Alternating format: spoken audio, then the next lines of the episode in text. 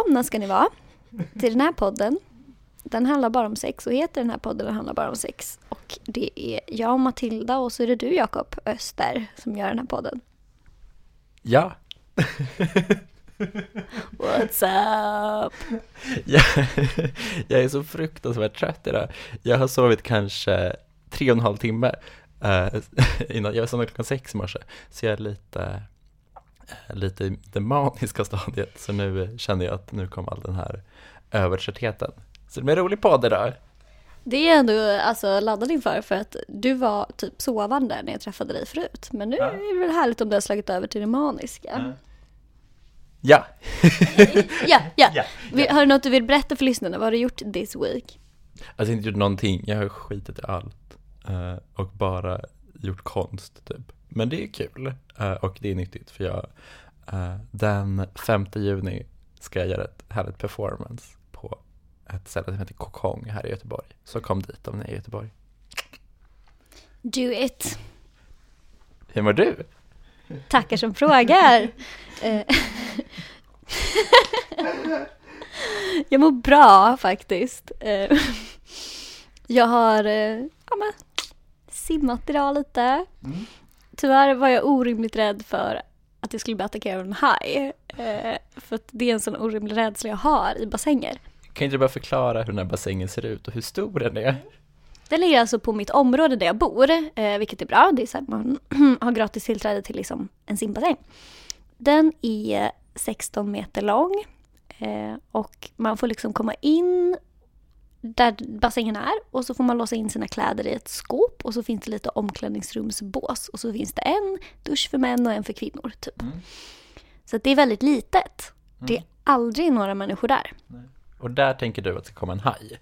Nej, alltså jag tänker ju inte att det ska göra det. Eh, alltså det är bara en rädsla, den är helt ologisk. Alltså, men idag typ, för att jag råkade, jag sparkade så här så att jag liksom fick upp luftbubblor som kom på magen så att man kände dem så här. Och då bara så här sprattade jag till och bara simmade jättesnabbt in till kanten och hoppade upp. Och sen bara, men vad tror jag ska hända? Alltså, jag tror ju inte att det ska komma en haj, men det är en rädsla. Som att jag är rädd för att det ska komma någonting i vattnet. Så här. För det är heller ingen folk där, bara jag hela tiden. Liksom. Eh, men hur, hur, hur spark, jag har aldrig upplevt de här luftbubblorna på magen.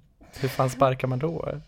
Nej men du kan ju, antingen så sparkar du när du vänder liksom. Eh, så att du får det- luftbubblor Okej. så här. Om man simmar ganska snabbt som jag gör så blir det ganska mycket så här. eh, luftbubblor helt enkelt. Och sen om du simmar bröstsim eller frisim, alltså crawlar, då äh, kommer det ju luftbubblor från armarna också.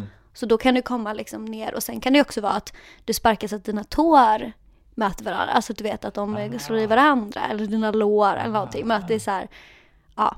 Men det går snabbt när man är jagad av hajar i alla fall. så ja, men eh, förutom en orimlig rädsla i bassängen så mår jag bra.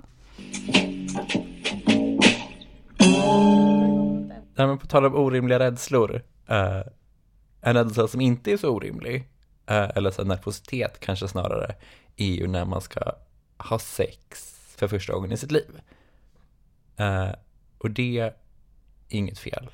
Hon är nervös, för det är, det är läskigt och konstigt första gången. Liksom. Mm. Så att eh, ett av våra teman idag är ju första gången.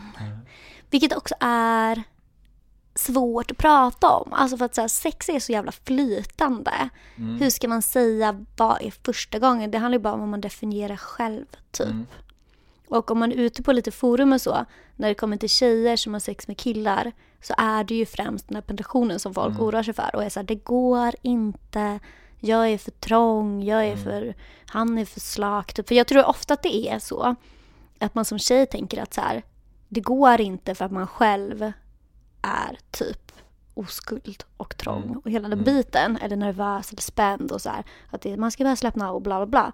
Men det är också ett problem ofta med, med killen liksom. Eller hur? Ja. Jo, jo.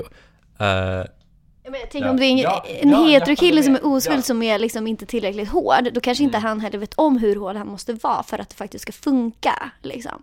Nej men precis. Jo, eh, jo men det är så himla beroende också av typ så här hur man, dagsformen, om man är nervös är det skitsvårt att hålla uppe ståndet, alltså allt sånt. Så det är ju såklart, det är mycket problem åt båda håll liksom. Så har man en nervös tjej också där som ligger där? Eller? Ja men precis. Kanske inte tjej. Nej, just det. Nu kommer homofobin smygande. Uh, nej men så är man, alltså för så här det som de flesta definierar som sex första gången är ju när det är mellan en själv och en eller flera till liksom. Uh, för uh, många, eller de flesta, har ju onanerat innan de har sex. Uh, med någon annan första gången liksom. Men det är alltså, jag är också alltid nervös när jag har sex första gången med en ny person hur som helst. För det är så här, har jag glömt hur man har sex? Hur gör man? Uh, så här, oj, är jag snygg? Bla bla bla. Kanske bara för jag är så crazy, för jag är lite galen och så neurotisk som fan. Uh, men jag vet inte. Fast det tror jag. Alltså, det handlar ju om att vara människa. Eller så här, mm. bara ett möte med en ny människa liksom. Mm. Det, jag kan ju vara nervös att gå till skolan mm. för att jag ska träffa folk i skolan mm. som jag måste förhålla mig till. Så det är inte konstigt. Men du, jag tänkte att vi ska börja med att läsa ett litet inlägg på ett forum om just första gången för en tjej och en kille. Eh, och den tycker jag illustrerar så himla bra. Alltså tonåren och paniken och den här penetrationshetsen typ. Mm. Vad säger du? För heteros. För heteros? Men vad då? Nej men jag, jag tycker, tycker bara, det, är spännande. det har blivit mycket hetero i den här podden. Bara, ja, jag vet, upplever jag. Det är väldigt mycket hetero hela tiden. Mm. Uh, men vi kanske ska mix it up och ta en annan, inte hetero, nu också. Men vi börjar med en hetero. Vi börjar med den här bara för att jag är ändå hetero och ja. jag ville prata om det här. Mm. Uh, och jag menar, det finns människor som är hetero som kanske lyssnar på den. Men jag, tycker, men jag tycker att vi ska ta en ja. icke-hetero. Du får du i uppdrag medan jag läser här att uh, hitta en sån. Sex för första gången på tonåringar i fokus.se. Hej! Jag och min pojkvän hade sex igår för första gången. Jag är drygt 14 och han är lika så. Jag trodde verkligen inte jag var redo, men igår så började vi bara klä av oss och gjorde det. Det pinsamma var att han försökte ta av mig bhn, men eftersom jag har pyttesmå bröst och inlägg och hela köret så vägrade jag. Sen precis innan vi skulle ha det, när han skulle ta på sig kondomen, så märkte vi att han inte hade stånd. Punkt, punkt, punkt. Och då försökte han pulla mig när jag inte hade trosor och mina blygläppar är ju stora, hur stora som helst och jättejätteäckliga. Så jag drog mig mest undan och försökte ta på han istället. Men sen i alla fall, när vi hade det, eftersom han är hur lång och stor som helst så gjorde det väldigt ont, men samtidigt hur skönt som helst. Men det dröjde typ bara en minut innan han kom och efter det var han typ sur. Och jag har hört att killar kan bli väldigt trötta och sura efteråt, men jag undrar om jag gjorde något fel. Skulle jag sugit av honom först? Äcklades han av mig? Åh gud. Det är alltså frågan, om hon skulle sugit av honom först och om han äcklades av henne. Ja, det gjorde, nej jag skojar. nej, för fan. Förlåt. Uh, nej men såklart han inte gjorde. Han var ju också skitnervös. För det var hans första gång också.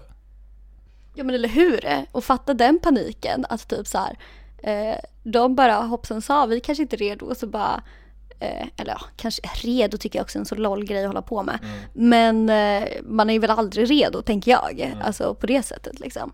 Eller alltid redo eller aldrig redo beroende på, alltså allt som är nytt. Det är inte som att man bara, jag är inte redo att gå och tvätta själv första gången. Alltså, ja, men, det är bara att göra det eller inte göra det. Alltså så.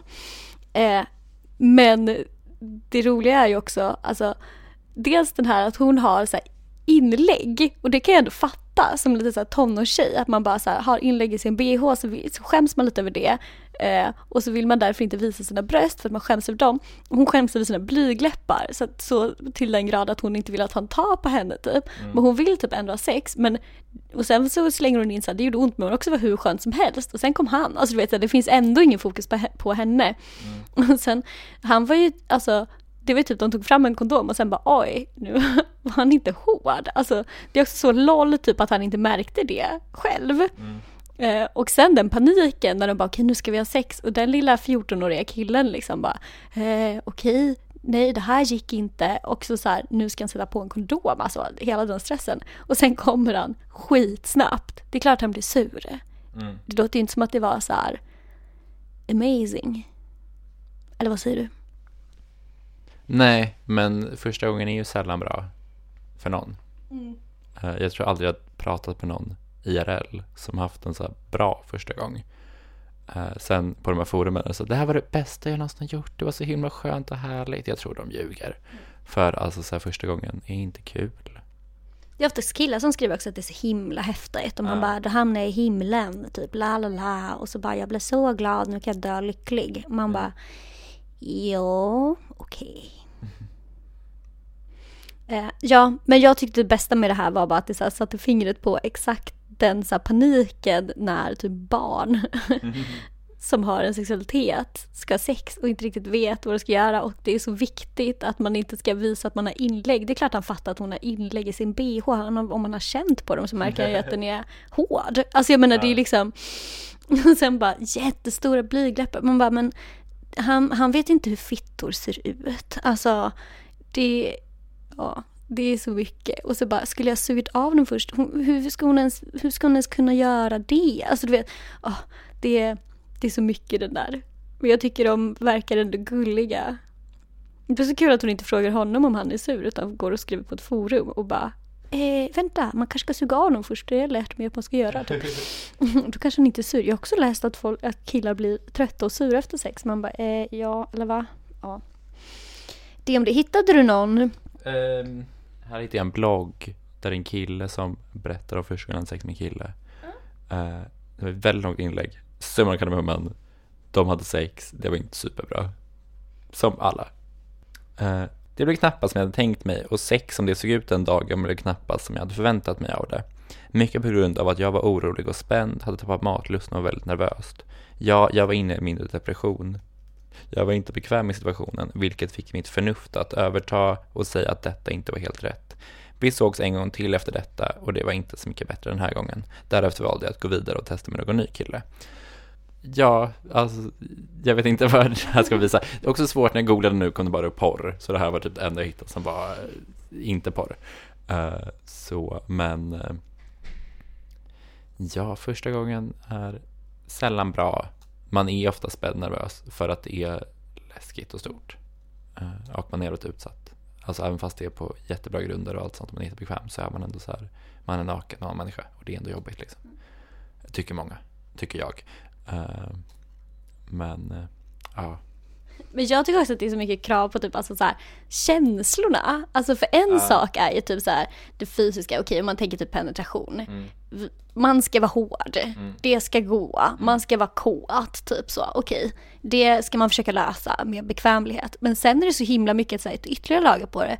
Så här, det bästa är om man är kär och så får man den typ så här, jag är kär den här personen, vill jag vara med den här personen, jag kanske ska vara med någon annan, jag kanske inte är redo, la la la, eller ska jag bara få det gjort, eller la la. Alltså istället för att bara typ så här fokusera på typ handlingen det är istället för alla jävla känslor. Och när man är typ tonåring, då är det ju också kaos med känslorna. Hur ska man veta? precis. alltså det kanske räcker att man är jättekåt på en kille som är fem år äldre eller en tjej liksom. Eh, Det kanske räcker som incitament för att vara bekväm. Liksom. Det handlar inte om att man ska hitta sin soulmate när man är typ 15. Nej. Nej, för första gången jag hade sex IRL med en annan människa liksom, då... Med en annan människa. En, ja, jag, nu lät som jag sex med djur innan, men det har jag verkligen inte haft. Men menar i, I verkligheten, Ja. inte via cam. Typ. Precis, precis. Eh, då var det verkligen bara så här, äh, vad fan, nu gör jag det. Så hoppade jag ut genom fönster och gick och hade sex, liksom. Uh, Hoppar ut genom ett fönster. ja, eller för jag så här, smög ut, typ. Eh, men det var en helt vanlig sexträff. Men Eh, ja, min var ju inte så mycket känslor, inte jättemycket så attraktion, men det var bara så här, nu ska jag ha sex. Hoppsan sa, jag minns det, smsade min kompis så här, hjälp, jag ska på sexträff. eh, om jag inte hör av mig efter så är jag typ död. uh, Hej då, sen dog min telefon så det var lite vanligt. Eh, men eh, sen kom jag hem och skrev till henne igen. Eh. Och det gick bra, du var nöjd, du kände att nu är det gjort. Ja, alltså så här, nu i efterhand, alltså det hade kunnat vara så mycket bättre. Jag hade kunnat haft det så mycket bättre också liksom. Men eh, jag hade haft sex. Vad fan liksom. Det tycker jag också är en sån skamgrej. Typ, alltså, eh, först ska man vänta mm. och sen när man kommer över typ en ålder då ska man ha sex. För sen ja, blir man precis. konstig. Precis. För då vill ingen ha sex med en. Alltså typ folk som man känner som alltså, så har varit oskuld länge mm. liksom. De får ju aldrig ligga längre. Nej, för att det är så här, oj jag kan inte ta din oskuld. Ja. Alltså så. Ja. Jo, för jag var ändå ganska, jag var ändå typ 18. Så jag var ändå så här, jag kände mig väldigt sen. Uh, men jag vet inte. Ja, men eh, jag tror att det är 16, någonting som är alltså snittåldern på när man blir av med, med oskulden. Så att det är väl ganska, jag trodde ju, jag tror jag fick höra siffror på 14, 15 eller något sånt ja. när jag gick i högstadiet och det var ju också lite så stressande. Eh, jag kan också säga, jag vill inte prata så mycket om så här, min första gång och sånt, men eh, jag kan säga att eh, jag tycker att det är svårt att definiera så här efterhand, just när det kommer till så definition på sex. Mm. Jag vet inte när jag hade sex första gången så. Nej. Alltså, jag vet ju liksom när jag hade någon alltså, penetration på det mm. sättet. Liksom. Och det var väl bra, fast det var inte bra för att liksom, det är som det brukar vara. Liksom. Mm. Eh, som det brukar vara, det inte nu, men alltså för, för folk, liksom, saker man inte har gjort förut kan man ju inte liksom. Eh, men han typ avgudade mig och det var ju soft. Alltså, så det var ju liksom, eh, ja. Men det är också återigen så man behöver inte, man behöver inte ha så världens connection liksom. Nej. Det har man tur om man har med typ så här ett fåtal personer under hela sitt liv, ja. en bra sexuell connection. Alltså så här, det är inte något som du kan förvänta dig händer när du är 14, 15, Nej. 16, 17 eller ens 18 liksom. Alltså så. Mm. Så att jag tycker så här, är man sugen på att ha sex, ha det. Mm. Eh, och första gången är ju inte avgörande för alla andra gånger liksom. Nej, och sen ingen hets heller, vi vill inte hetsa Nej. folk till att ha sex. Nu tror jag inte det är så många unga som lyssnar på det, men ändå liksom. Mm. Och också så här, det är ju lite svårt att så här, bara ha lite sex. Mm. Uh, men så här, om man hittar någon man vill ligga med så om man vill så gör det. Uh, om båda vill. Uh, ja. Jag vill prata lite om tjejer, för det gillar jag. Uh. Och alltså typ just det här, det gör ont, mödomshinnan, blod, mm. hela den grejen typ. Och där vill jag bara säga, skärp er men ha respekt. Eller så här. Det är typ min, för att Nej, mödomshinnan finns ju inte. Det är väl ingen som tror det längre hoppas jag. Mm. Vill du berätta hur det ser ut? I det kvinnliga könsorganet, Jakob. Ska jag berätta? Jaha, det alltså... äh, det, det, var så kul, måste jag bara ta upp. Igår när vår kompis sa, blev chockad att du inte trodde på mödomshinnan. Och de sa, oj, tror inte du på det Matilda? Uh, men... Jag är så loll att jag skulle vara någon så här bakåtsträvande när det kommer till sex, som att jag skulle tro att det fanns en mödomshinna. Jag har ändå en vagina liksom, jag vet väl hur den ser ut, typ. uh, jo men alltså det som finns uh, i slidan är ju en slidkrans uh, som finns, alltså jag är inte 100% PGA, jag har aldrig riktigt sett en fitta IRL up close. Oops. Uh, men ser det inuti nej, heller så. Nej, men så här, uh, så det, den sitter där vid mynningen, vill jag säga. Uh, och det som så här spricker är typ den som kan spricka lite. men den kan också spricka när man så här klättrar i träd eller hoppar upp på en cykel eller stoppar upp en tampong eller ett finger eller en dildo eller något sånt liksom. Mm. Så det är inte bara just sexuellt. Det kan vara vad som helst liksom. Precis, och poängen med det här tycker jag också är viktig att den finns ju inte så som en hinna som försvinner nej, nej, liksom. Men det finns ju ändå skillnad i anatomi när man har haft saker i sin vagina mm. eller inte. För att det är också typ att säga att så här, det finns inte och inte alla har ont och bla bla bla. Men det är ändå inte lätt innan man har börjat ha mens och typ använder tamponger Nej. eller börjat onanera med leksaker eller vad man nu mm. håller på med liksom. För då, då, då är det ju ändå, för jag menar kroppen påverkas ju, men när du föder ett barn så påverkar det också. Mm. Alltså det är liksom, det utvidgas ju liksom. Det är ju en elastisk muskel som förändras när den blir utsatt för friktion. Ja. Liksom. Så att eh, om man blöder så ska man inte skämmas för det. Eh, det kan man göra hela livet också liksom. Alltså det beror ju helt på. Och, Precis. Till, till skillnad från anus, om man har analsex, som inte töjs ut. Eh, som min högstadielärare sa att det gjorde, som man hade skulle ha analsex. Eh, men att den är ju så här gjord för att kunna töjas och sen gå tillbaka till sitt vanliga sätt. Annars skulle man inte kunna bajsa. Eh, liksom. precis, det är det hela grejen med den muskeln Ja, är, att hålla exakt. tätt liksom. Eh, vaginan är ju inte riktigt på det sättet. Nej. Tyvärr, det vore så soft om den bara kunde hålla tätt så här bara. Alltså som om man, Vad, vad, vad vill du hålla inne där? mens. Jaha. Tänk om man kunde bestämma som nu går jag och kissar, nu går jag och släpper ut mitt mens. Ah, Det hade ah. varit jätteskönt. Mm. Eh, det om det, så att eh, liksom, det låter som att vi har målgrupp typ 14-åriga tjejer i det här poddavsnittet. Eh, men jag vill bara så här, alltså oskuldsbegreppet är ett konstigt begrepp. Alltså så här, vad Det är då bli av med någonting, typ hela den grejen. Det har vi redan tagit så många gånger. Men sen definitionen på sex, alltså hur ska jag veta? Jag är ju jätteoskuld på många sätt fortfarande, eller förstår du vad jag menar? Och på många sätt inte alls. Alltså, Nej. så. Nej, precis. Vissa menar ju att så här, man eh, har inte haft sex eller man är oskuld. Eh, om man använder det begreppet. Tills man så här, har haft penetrerande sex liksom. Men då till exempel kan ju inte typ så här flator eller två vitt människor ha sex. Någonsin liksom. Då är de oskulda hela sin liv. Om de inte ligger med en kuk liksom. Jobbigt. Era nuckor. Man fattar vad sexuellt aktiv man kan vara då och fortfarande ha sin oskuld och sin heder intakt. Vi måste vara mycket mer tydliga när vi skojar, känner jag. Fan, det blir så himla, himla hårt. Obs skämt. Nu för mig, nu, nu är jag personlig idag känner jag.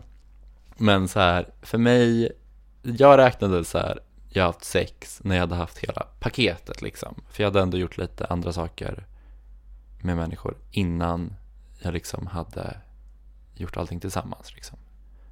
Eh, förstår du vad jag menar? Ja, så då räknade jag så nu har jag haft sex liksom. Fråga. Om du hade penetrerande sex men inte något oralsex under den sessionen, var det fortfarande sex då? Ja, det skulle jag. Men så här, jag hade så här sugit av någon innan. Men så här, jag tänkte att det var, så här, det var en avsugning. Jag vet inte. Men, så jag tänkte att första gången jag hade sex eh, var då liksom. Det tror jag många tänker.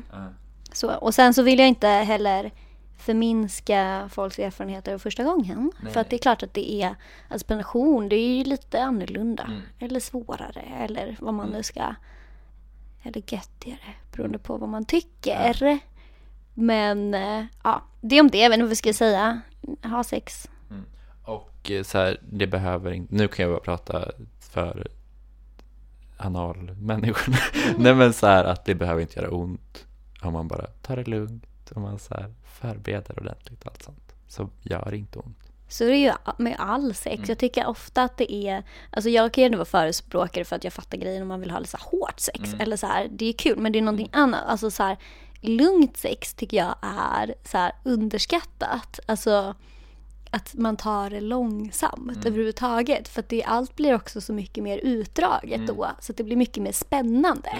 Och det är ju skillnad på hårt sex eh, och sex som inte är skönt. För så här, hårt sex är ju asnice. Men så här, om det typ så här gör ont eller så här, det inte är skönt, då är det inte bra sex liksom.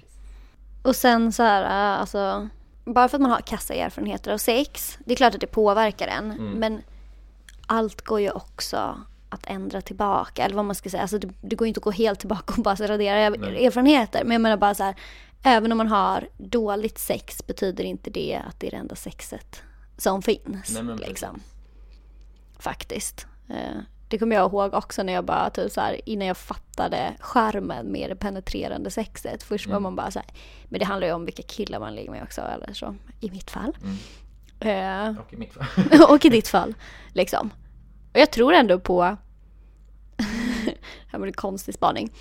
Men när man är ung och vill ha sex, en positiv grej att söka till sig folk som är lite äldre och lite mer erfarna. För att jag tänker också att så här, den här grejen som vi fick läsa om på forumet, det känns som en så jävla ångestfylld upplevelse. Som jag inte tror skulle vara lika ångestfylld om bara den ena parten var virgin och den andra var lite mera cool with it. Alltså, Fast jag skulle ändå känna så här, skulle vara spännande, eller vet kanske på att jag saknar upplevelsen, men så här att båda gör det första gången, att det är så här, det lite tar fatt, att man slipper känna sig som dumma, som så här, oj, var det så här? Alltså så. Ja, jag vet inte. Jag, jag gillar ändå idén av att typ så här någon har lite koll. Alltså, och även om det är jag som har koll så gillar jag ändå den idén att det är så här okej men nu gör vi det bra för att det typ är det är ju lättare om en person har kartan när man ska hitta rätt på Ja, stan. men liksom så. Men Skulle du vilja vara någons första? personlig fråga, alltså jag känner inte typ att så här att det är något så här, jag vet inte. Det är inget jag tänker skulle vara ballt, men det är Nej. inget heller jag skulle ha problem med. Alltså, Nej. jag skulle inte ta det som att åh nej, jag kan inte ligga med dig för du inte legat med någon annan. Alltså för det tycker jag är bara en loll inställning som folk typ har och bara Men tänker man, tänker man förstör dem? Tänker man är asdålig? Det är kanske bara att jag har fruktansvärt dåligt självförtroende. så jag är så här, nej men gud, ska jag? Fast jag menar människor är ju mer eller mindre förstörda överhuvudtaget. Eller så här, Ja, det beror ju på vad man lovar dem. Skulle, Ja. Är det typ så här någon som är skitkär i en, som man inte är kär Mm. i och är så här, ska, kan vi inte ha sex? Eller du vet så här, om man bara, äh, okej vi kan väl ha lite sex. Alltså den stämningen, men då är man bara oskön person. Om det är så här att man spelar med någon känslor. Men om det handlar om bara så här sex, då är det ju bara sex. Alltså även för den personen. Och antagligen kommer dens upplevelse vara lite halvkass ändå. För att det är liksom första gången. Ja, och ska man vara själv så kanske det är roligare att ligga med folk som inte ligger för första gången. Så, men ja, det är, jag, det är ingen big deal tycker jag åt något håll. Sen måste jag också obsäga att eftersom snittåldern är på 16,5 så vill jag inte ligga med 16-åringar. Gud vilka ombytta roller blev vi då? Att du är den så, det är soft, det är ingen big deal, vi kör. Så jag som är så hispig. Jag gillar det. Från eh, första gången till typ, alltså, man, Lite flera gånger in. lite flera gånger och lite så här, eh, man har tröttnat lite på kanske det sexet som erbjuds i ens närhet som man söker sig till andra platser. Vi tänkte prata otrohet. Spontana tankar. Eh, det beror på. Eller så här. Eh, otrohet om man är i ett så här förhållande där man inte ska ligga med andra eller göra någonting med andra är ju inte bra för då så här överskrider man ju den överenskommelsen liksom. Men annars f- alltså flera sexpartners även fast man är i en relation ser jag inget hinder med. Liksom. Jag vet inte, jag just nu i mitt liv känner jag att jag är ganska så här, inte skulle tycka det var så kul för jag skulle bli typ avundsjuk och allt sånt. Men om det känns lugnt så vad fan, kör. Ja, var fjärde svensk har varit otrogen kan jag berätta för dig. Eh, vilket är en ganska hög siffra. Det är ändå 25 procent. Måste bara tänka att jag räknade rätt mitt lilla huvud. Jo men det kanske läser statistikkurser? Eh, Va? Verkar det så? Verkar som att jag har jobbat med kvantitativ metod, va? Eh, Nej, men det är väl kanske inte så konstigt om man tänker liksom Många har också fler sexpartner i sitt liv. Alltså, det, det är en, som du säger en svår definitionsfråga. Liksom. För vissa är ju så här, man är otrogen när man flörtar med någon annan. Eh, man är otrogen när man hånglar med någon annan. Vissa är så här, man, är bara otrogen om du ligger med någon annan. Alltså så. Så det är ju jättesvårt att veta hur, hur grov, eller vad man ska säga, otroheten är. Men det är upp till var och en också att känna hur grov den är. Om du levde i ett monogamt förhållande, var skulle du dra gränsen? Mm, typ, jag skulle kanske känna ligg. För hångel ser jag inte som en stor, alltså jag hånglar ut med mina kompisar ibland. Alltså allt sånt, jag ser inte det som en jättestor grej. Eh, men så här, sex tror jag, eller snarare typ, alltså rom, romant, alltså kärlek, förälskelse och typ sex skulle jag dra gränsen tror jag. Jag tror det är precis det, alltså du säger, alltså kärlek eller romans eller något, alltså det behöver inte ens vara kärlek, men någonting som pågår under en längre tid eller någonting man uppmuntrar, någonting som man agerar på fast man vet att enligt våra regler vi har i vårt förhållande så är det emot det. Och då kan det vara så här, jag skulle inte, det är klart jag skulle bli ledsen för typ så här eh, ett fyllig. Men om det verkligen är ett typ så här, oj det här råkade hända, jag är så ledsen. Eh, det betyder verkligen ingenting och hela den grejen. Då är jag ändå helt med på att så, här, sex kan verkligen också inte betyda någonting liksom. Det skulle, jag skulle kanske inte vara så här, okej, vi, vi glömmer det här, jag skulle ju vara arg ett litet tag liksom. Eller ja, kanske ganska länge, men så här, eh, nej men så här, jag tänker just den här känslomässiga otroheten tror jag är värre än just det fysiska. Fast, ja, jag vet. Jo men det tror jag och också typ, alltså, så här, upprepade gånger eller den här typen av dubbelliv eller liksom hela den grejen att så här, jag vet att jag sårar dig men jag skiter i det. Alltså så. Jag är också en kontrollmänniska så jag skulle vilja veta. Alltså jag vet att många är typ så här, ska man berätta eller ska man inte? Man vill inte skada någon i onödan. lalala. Men jag vill veta för att jag tror också att jag, jag måste ha kontroll över vad, hur jag väljer att känna. Och då om någon bara tänker att så här, nej men det där mår den inte bra att veta, då är det ju en jävla lögn liksom. Och det är så jävla vidrigt. Usch, då kan vi bli paranoid och bara gå runt och tänka på att folk ska inte berätta saker för en. För det är också så här, är det ett problem, som om man lever liksom i en tvåsamhet och den ena parten ligger med andra, så här, aktivt letar upp det, då är det ju ett problem i det förhållandet. Då vill man ju inte ha en tvåsamhet på det sättet. Och då måste man ju prata om det för förhållandets skull. Och även om det är så här, oj det bara råkar hända. Det kanske inte är en så big deal, men det måste man också prata om så att man får chans att välja varandra på en gång. Jag tycker att man kan inte ta sig tolkningsföreträde över ett förhållande man är två i och bara så här, det är upp till mig att bestämma. Ja.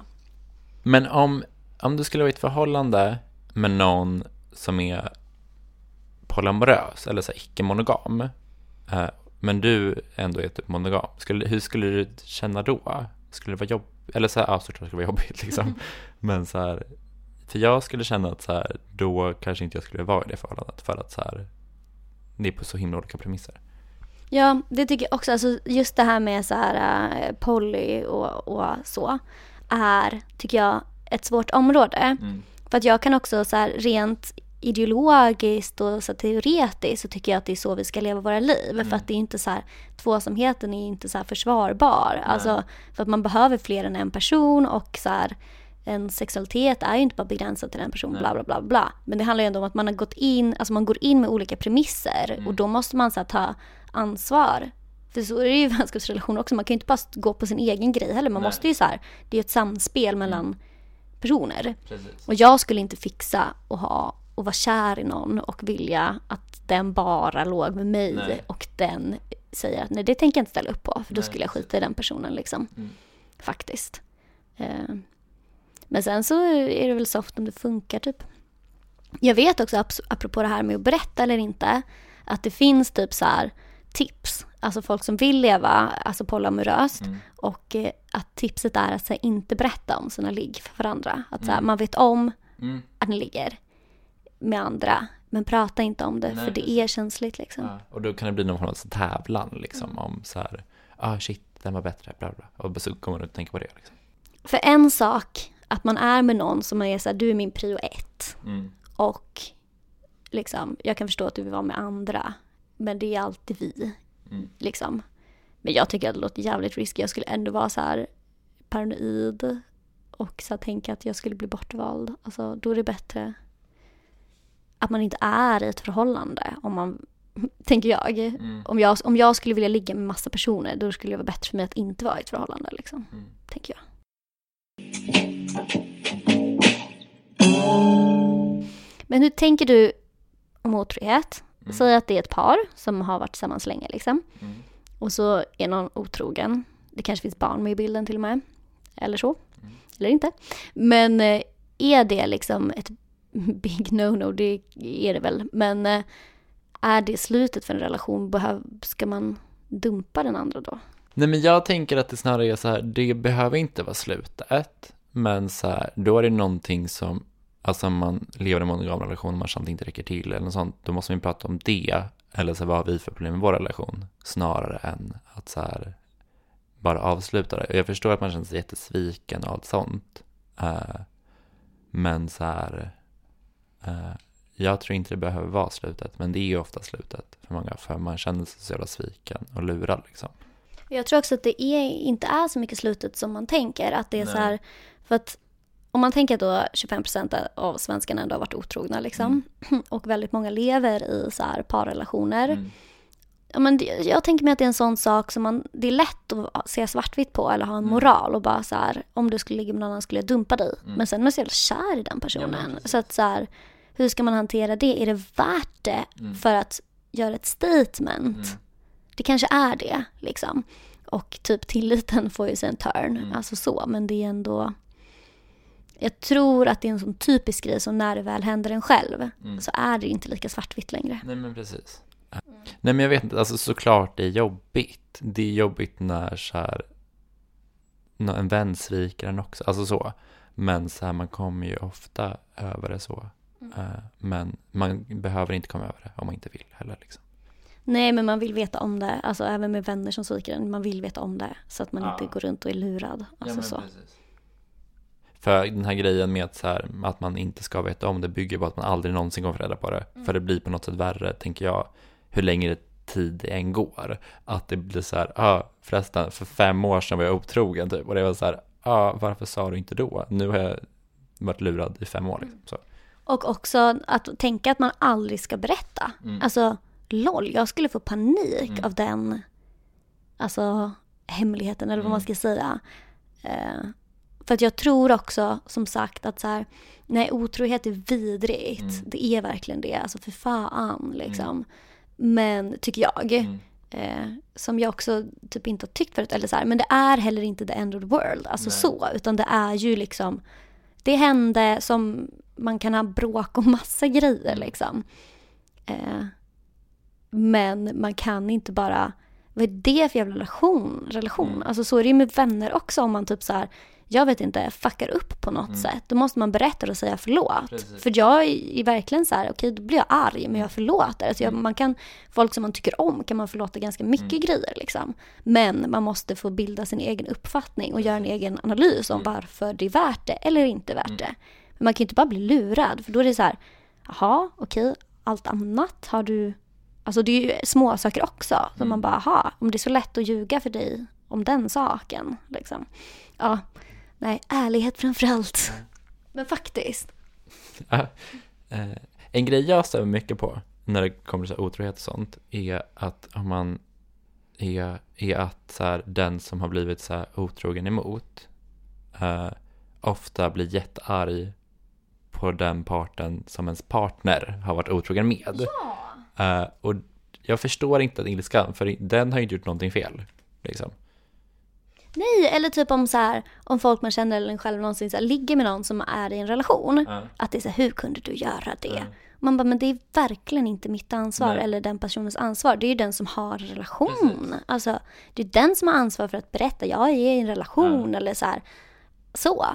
Eh, det är den som allt ansvar ligger på. Mm. Det är också konstigt att vara i en relation ligga med någon annan, inte berätta för den andra att man egentligen är i en mm. relation, så tror den att man har en liten flört och så ja. bara nej, det här var bara en otrohetsgrej. Alltså, det är liksom, man måste ha öppna kort på det sättet liksom. Och jag har så svårt att jag skulle tänka att jag var arg på en person, för det handlar inte om att så här, man kanske hatar den för att man bara, ah, du tyckte den, hon var snyggare än mig, mm. eller du tyckte att det var värt, den här, vem är hon? Mm. Är hon värd att eh, typ så här, riskera allt vi har, mm. hela den biten liksom. Men den stackars tjejen eller killen, alltså vad fan. Den har ju inte gjort någonting förutom att vilja ha sex ja, och det precis. kan ju inte vara straffbart. Mm. Ja. Nu tänkte jag mm. berätta för dig hur den typiska vänsterprasslaren ser ut och är. Okay. Eh, det här är baserat på eh, Victoria Melans sån här otrohetssajt som är liksom en dating man registrerar för att leta personer att ligga med mm. när man är i ett förhållande. Eh, och majoriteten av de som är otrogna är välutbildade, är mellan 35 och 50 år och har varit tillsammans med den personen då som de är tillsammans med i fem år eller längre, så det är ändå så långt förhållande. Eh, och 44,5 procent eh, liksom rangordnas som så här, viktigaste egenskapen, ärlighet, högst upp. det tycker jag är lol. Bara 3 procent beskriver sig själva som konflikträdda. Mm. Och 99 procent eh, av de som söker otrohetsaffär via Victoria Milan då, har barn. Mm. Vilket också kanske stämmer gan- ganska överens med åldern här, 35 till 50 liksom. Eh, och det är fler män än kvinnor. Det är nästan dubbelt så många. Mm. Har vi något att säga om det här? Jag ser inte att grejer med barn spelar så stor roll. eh, För att så här, jag tänker att sådana förhållanden är mellan parterna i det romantiska förhållandet. Eh, Och att barnen inte har en del i det. Alltså jag förstår att det, mina föräldrar är inte skilda. Men jag förstår att det är fruktansvärt jobbigt om ens föräldrar skiljer sig. Eller är otrogna eller något sånt. Men att så här, mm, det ska bli så mycket värre bara för att det finns barn. Alltså så här, jag ser inte riktigt den kopplingen. Nej, och typ sex överhuvudtaget är ju en vuxengrej. Alltså Ja. så här, det är inte någonting som man berättar för sina barn. Att nu har mamma gått och haft sex med någon annan. Gör Nej. man det så är man en dålig pappa. Liksom. Alltså så. Eller mamma. Eller mamma. Eh, men eh, ja, alltså det var väl inte så konstigt också typ så här. Eh, de flesta som rör sig här är ju de som faktiskt är i ett förhållande för att det är vanligast när man är lite äldre eller Mm. medelålders att man har ett förhållande än när man är ung. Liksom. Och det är kanske också vanligare att man kanske söker de otrohetsaffärerna på internet Mm. istället för att gå ut och ragga på krogen. Mm. För man kanske inte vill gå ut som 45 på Nej. en krog bara sådär. Eh, för att man har ett annat typ av liv Mm. plus att man kanske inte vill synas i offentligheten Mm. om man då ska så här, söka en otrohetsaffär. Precis. Vad tycker du om Victoria Milan? Alltså så här, det är ju många som hatar på den ur en så moralisk aspekt, att de så här underlättar otrohet och sånt. Jag tycker det är så konstigt för det är som så här kill the messenger-grejen, att det är så här, ja, det finns en plattform. De som ska anklagas moraliskt är ju de som bryter mot sina relationsöverenskommelser liksom. Nej, gud nej. Alltså, Fast det är i och för sig alltså så här, det, om man sk- ska utgå strikt ifrån en sån argumentation kan man ju så här, ja ah, nej men den här trafficking-sidan är bara en sida, en hemsida som gör så, men så här, det är skilda saker. ja, och alla har ju ändå ett ansvar. Det här är ändå personer som profiterar på alltså, andra människors misslyckade relationer Mm. som det inte behöver vara för att man är otrogen, men som det är väldigt vanligt Mm. att det är. Liksom.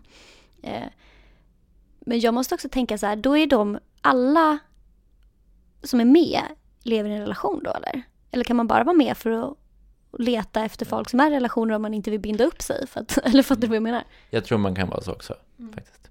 Men jag var ändå lite fascinerad av att det är så vanligt, att det är så här 25 procent Mm. som, alltså det är inte jättemånga, men det är ändå, Men det är också så tänker jag, alltså just den här 25 procenten, att det är så olika också vad man räknar som ett förhållande, alltså så. För vissa räknar ju typ så att man dejtar som att man är exklusiv så, alltså den grejen, att man kan vara otrogen då. Så jag vet inte, det är svårt. ja men det är väl en definition man får gå Mm. på sig själv. Men jag tror också om man lever så här polyamoröst, då fyller man inte i, har varit otrogen. Alltså för det handlar ju om att bryta. Men, precis, men så här, ja i och för sig, ja, det var det inget. Då tänker jag så här, okej om min definition är jag har smsat med en kille, han smsar med någon annan, han är otrogen. Okej, då blir det lite skev, eller du Mm. Vet så här, då blir det skev i statistiken, Ja. men samtidigt tror jag ändå att det, är ändå en fingervisning. Sen tror jag också folk skäms, att folk Ja. berättar heller inte lika mycket. Så jag tror att siffran kan vara ännu högre Mm. liksom. Eh, Men jag tror att den är ändå en riktlinje. Men jag måste ändå säga, för mig förvånar det så mycket, alltså jag vet inte, nu går jag, säger jag emot mig själv för att jag säger också att så här, otrohet behöver inte vara liksom the end. Eh, men samtidigt, varför håller man på att vara i ett förhållande om man är otrogen hela tiden? För då vill man ju obviously inte vara monogam. Förstår du vad jag menar? Att det är så här, visst ett snedsteg, fine, alltså så liksom. Sånt kan ju hända liksom. Men det, ja, det tycker jag inte det ska. Eller så här, jag bara känner att jag ska inte så här förminska otrohet heller, det är en big deal liksom. Men samtidigt, varför håller folk på och lever i parrelationer om de faktiskt inte vill det? Om det ändå är alltså, 25 procent som faktiskt är otrogna eller har varit liksom. Jag tror inte alla kan vara ett hoppsan sa, oj så, ojsan. Liksom. Då tycker jag att man får ta ansvar och göra slut om man känner att man inte vill vara i en relation. Faktiskt. Men är det inte för att det är bekvämt då? Att det är så här, man kan ju fortfarande vara jättekär, men då så här, vara otrogen så. Eh, att det är så här, man är så invand. Det så här, nu har vi, de har ändå varit tillsammans i fem år eller längre. Då är man ganska van vid att vara i den relationen. Liksom. Att man så här, nej jag vill inte förlora dig, men så jag vill också prova någonting nytt. Liksom. Jo, man får inte vara bekväm på bekostnad av andra personer. Nej. Apropå grundarna till eh, Victoria Milan. som profiterar. Kapitalisterna. Nej, men upp till kamp. Nej, men det är inte så konstigt. Alltså okej, 25% kanske inte är så mycket ändå. Alltså, Nej, faktiskt. nej gud. Med tanke på att så här, vi, man vet ju ingenting om typ hur många av dem som var otrogna och sen gjorde slut. Alltså det kanske bara var ett så här, man vill testa att ligga med någon annan för att se om det var så mycket bättre Mm. eller inte.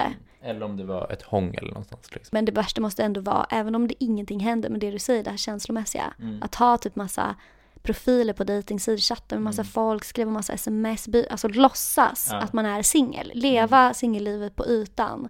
Men sen inte göra det i praktiken. Mm. Alltså, nej. Ta hand om varandra. Du har lyssnat på den här podden handlar bara om sex. Eh, jag heter Jakob och du vet Matilda och Maja Arasalmi är producent. Vi finns på Soundcloud och Facebook. På iTunes. Ja. Eh, vi finns på internet. Ni vet var vi finns. Googla lite. Men- Ta lite eget ansvar. Ta lite eget ansvar. Internet är en värld av möjligheter. Där ni annat, bland annat kan ni hitta den här podden här om sex. Och mycket annat sex. Mycket annat sex också. Be careful. Också otrohetsaffärer kan ni hitta. Ja, hej då! Ha det bra och glöm inte att komma på Kokong och titta på dig. Ja. 5 juni. Hej då! I am.